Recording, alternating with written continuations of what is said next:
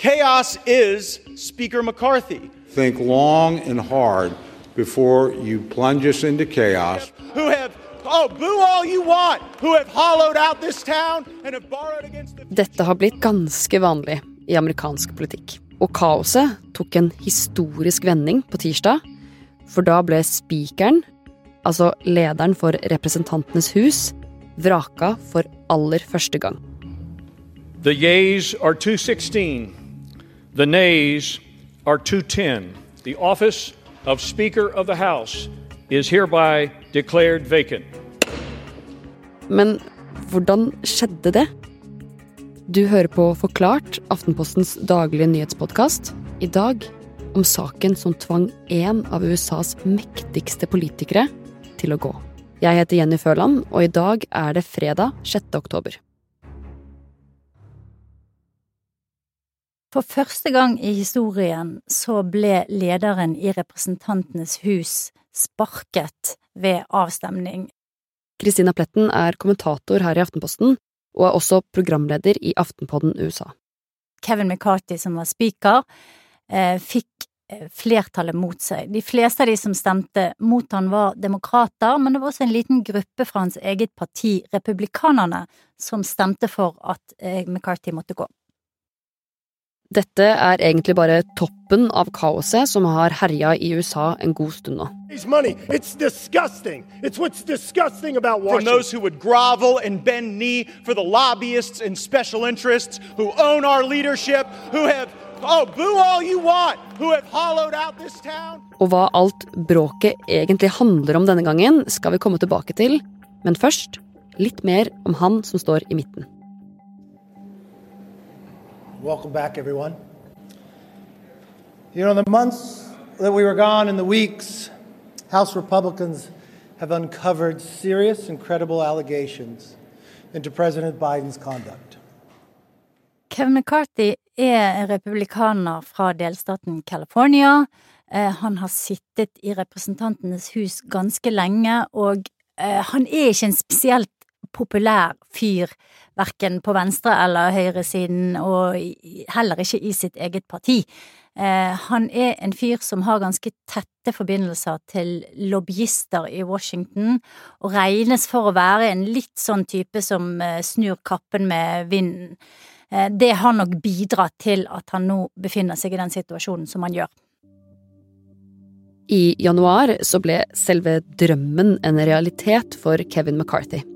Da ble han speaker i Representantenes hus i Kongressen i USA. Og for å friske opp litt, så er Kongressen delt i to kamre, Senatet og Representantenes hus. Men først av alt, Kristina, hva er egentlig en speaker? En speaker er lederen for det partiet som har eh, majoriteten i Representantenes hus. Det betyr også at spikeren er den som til syvende og sist bestemmer hvilke saker som kommer til votering, altså hvilke saker som skal løftes frem og bli eh, stemt over. Det betyr at eh, denne personen har en veldig, veldig viktig rolle i amerikansk politikk, og setter på mange måter agendaen. Så det er jo forståelig at den posisjonen sto på ønskelista til Kevin McCarthy. Men drømmen gikk ikke i oppfyllelse sånn helt uten videre. Kevin McCarthy has been elected to the post after days of turmoil. Four days, 15 votes, and numerous concessions. That was easy, huh? Det tok hele 15 runder med avstemninger før McCarthy fikk jobben. Det var en gruppe med rebeller som hører til, i hvert fall de fleste av de ganske langt ute på høyresiden, som ikke hadde noe lyst til å ha Kevin McCarthy som speaker. De stemte mot han gang på gang på gang, og så etter hvert så var det noen av de som begynte å snu, og til slutt, etter mye drama og sånn konflikter på gulvet og krangling og, og det ene med det andre, så fikk han skvist gjennom med minst mulig flertall seint på kvelden og ble spiker. Det hadde definitivt en pris. Eh, Det ble jo mye forhandlinger på bakrommet, og en av resultatene av de forhandlingene var at det kom på plass et system som gjorde at eh, i praksis så kunne én person fremme mistillitsforslag og eh, dermed felle McCarthy. Og dette systemet, eller den avtalen han gjorde for å få posisjonen sin, ble fatal for Kevin McCarthy denne uka. The yeas are 216. The nays are 210. The office of Speaker of the House is hereby declared vacant. Og i samme slengen ble et av USAs dypeste problemer veldig synlig.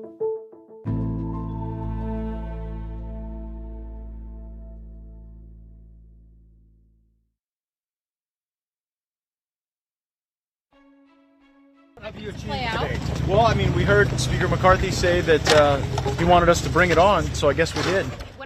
Dette skjedde da Kevin McCarthy ble kastet som leder av Representantenes hus. It's the benefit of this country that we have a better Speaker of the House than Kevin McCarthy. Kevin McCarthy couldn't keep his word. He made an agreement. Det var republikaneren Matt Gates fra Florida, en av dem som tilhører den ytterste høyresiden i forsamlingen, som la fram et mistillitsforslag mot McCarthy.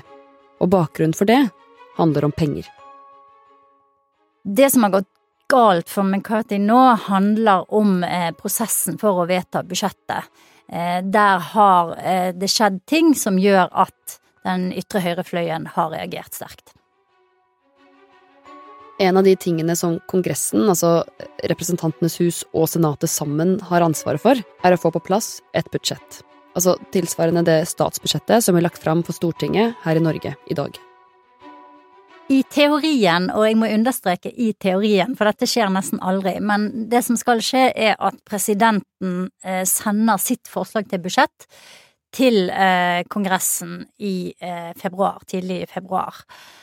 Og så skal da disse to kamrene i Kongressen, som da er Senatet og Representantenes hus, de skal diskutere frem og tilbake, komme til enighet om et budsjett som de begge kan leve med, og så skal de vedta det, og det skal være eh, utgangspunktet for noen sånne spending bills som skal vedtas innen 1. oktober.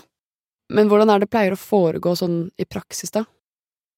I praksis så er det også slik at eh, det blir mye forhandlinger og mye spill frem og tilbake, men de kommer nesten aldri til enighet. Eh, det er bare fire ganger de siste 50 årene at denne prosessen har gått på skinner, sånn noenlunde, da, og, at det har blitt vedtatt eh, eh, ordentlige budsjetter. Men eh, det som skjer nå, og som blir vanligere og vanligere, er at man finner midlertidige nødløsninger, og så lever man litt sånn på kreditt, på en måte, fra måned til måned, da. Eh, men andre ganger så går det jo helt i stå, de klarer faktisk ikke å bli enige, klarer ikke å vedta noe, og det som skjer da, er at staten faktisk stenger ned.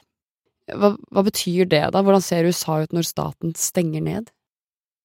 Det betyr at de ikke har penger å betale Eh, veldig mange av de som er ansatt i staten, de som skal gjøre jobben sin, det kan være alt fra de som er, jobber i skattevesenet eh, til en rekke andre postvesen, en rekke andre funksjoner. Der er rett og slett ikke penger til å drifte den daglige eh, donten i staten.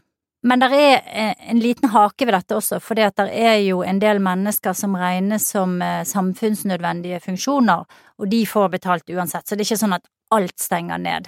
Og så må jeg også si at når det gjelder budsjettet, så er to tredjedeler av pengene er eh, automatisk satt til side til for eksempel å betale pensjoner, helseforsikring for fattige, sånne ting, så det går av seg selv. Så dette dreier seg om den tredjedelen av budsjettet som ikke går inn i, inn i det automatiske eh, forbruket til staten. For mens fristen nærmet seg og faren for at staten skulle stenge ned ble større og større, jobbet McCarthy for å få gjennom et budsjett som skulle fungere. Og til slutt måtte han be demokratene om hjelp. Og det fikk begeret til å renne over for Matt Gates, som fikk McCarthy fjerna. The reason Kevin McCarthy went down today is because nobody trusts Kevin McCarthy. Kevin McCarthy has made multiple contradictory promises, and when they all came due, he lost he lost votes of people who maybe don't even ideologically agree with me on everything. Take for example my colleague Det er jo en situasjon der du har en veldig svak spiker, som vi allerede har vært inne på, og så har du eh, en ganske stor gruppe med misfornøyde folk i eh, det republikanske partiet. Det er dessuten opptakten til valgkamp, så folk begynner å posisjonere seg, kanskje med skarpere positur da enn de vanligvis har. Eh, så du har mange sånne elementer som gjør at dette har blitt ekstra vanskelig.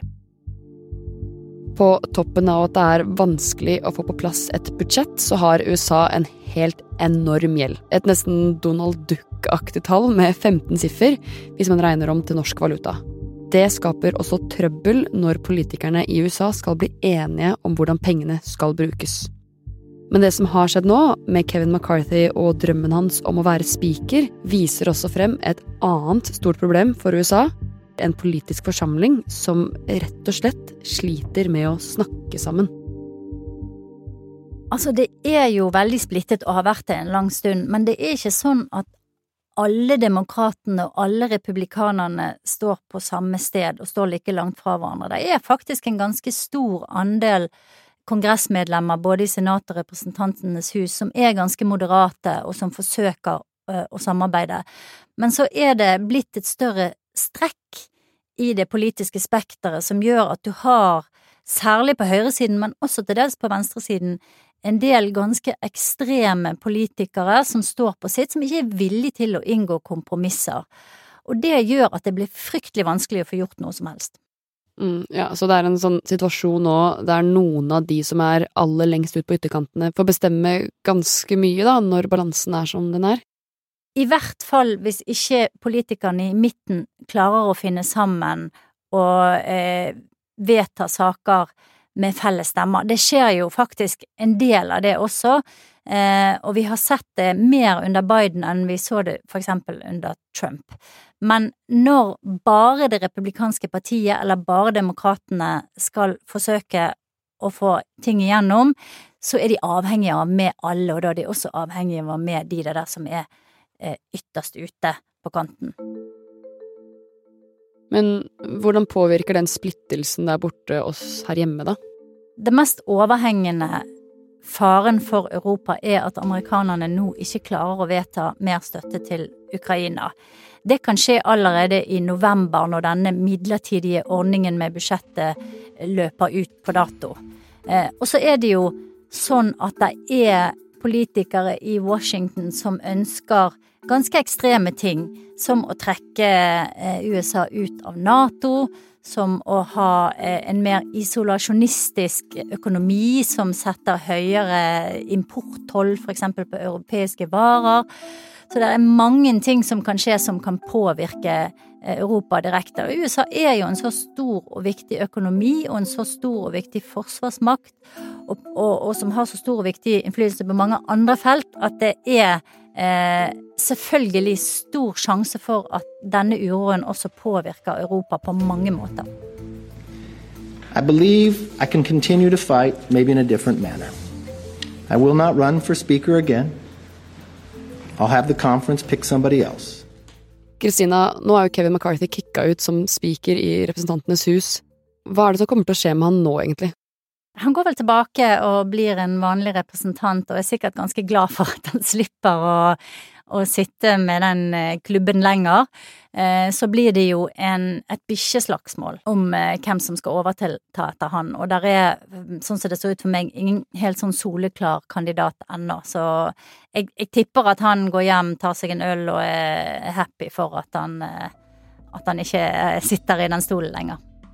Ja, og vi bare venter på neste kaotisk omvending i amerikansk politikk. Ja. Den kommer nok om ikke så lenge.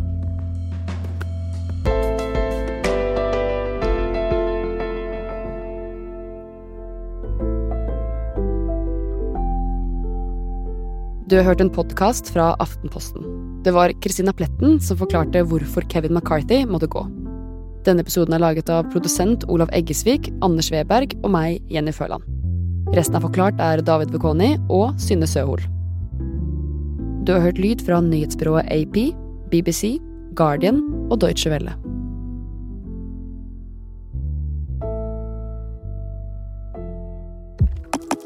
Du har sett blikket hans. Selvsikkerheten og hvordan han kledde i denne grønne T-skjorta si, når oss med enkle budskap fra krigen i Ukraina. Vlodomyr Zelenskyj. Han vinner jo hjertene våre. Hvordan gjør Zelenskyj det? Og kan det hende at vi lar oss blende og går glipp av deler av sannheten? Hør Dypdykk, hvor vi går bak nyhetene og undersøker de store spørsmålene om tida vi lever i. Du finner oss i Aftenposten eller Podme.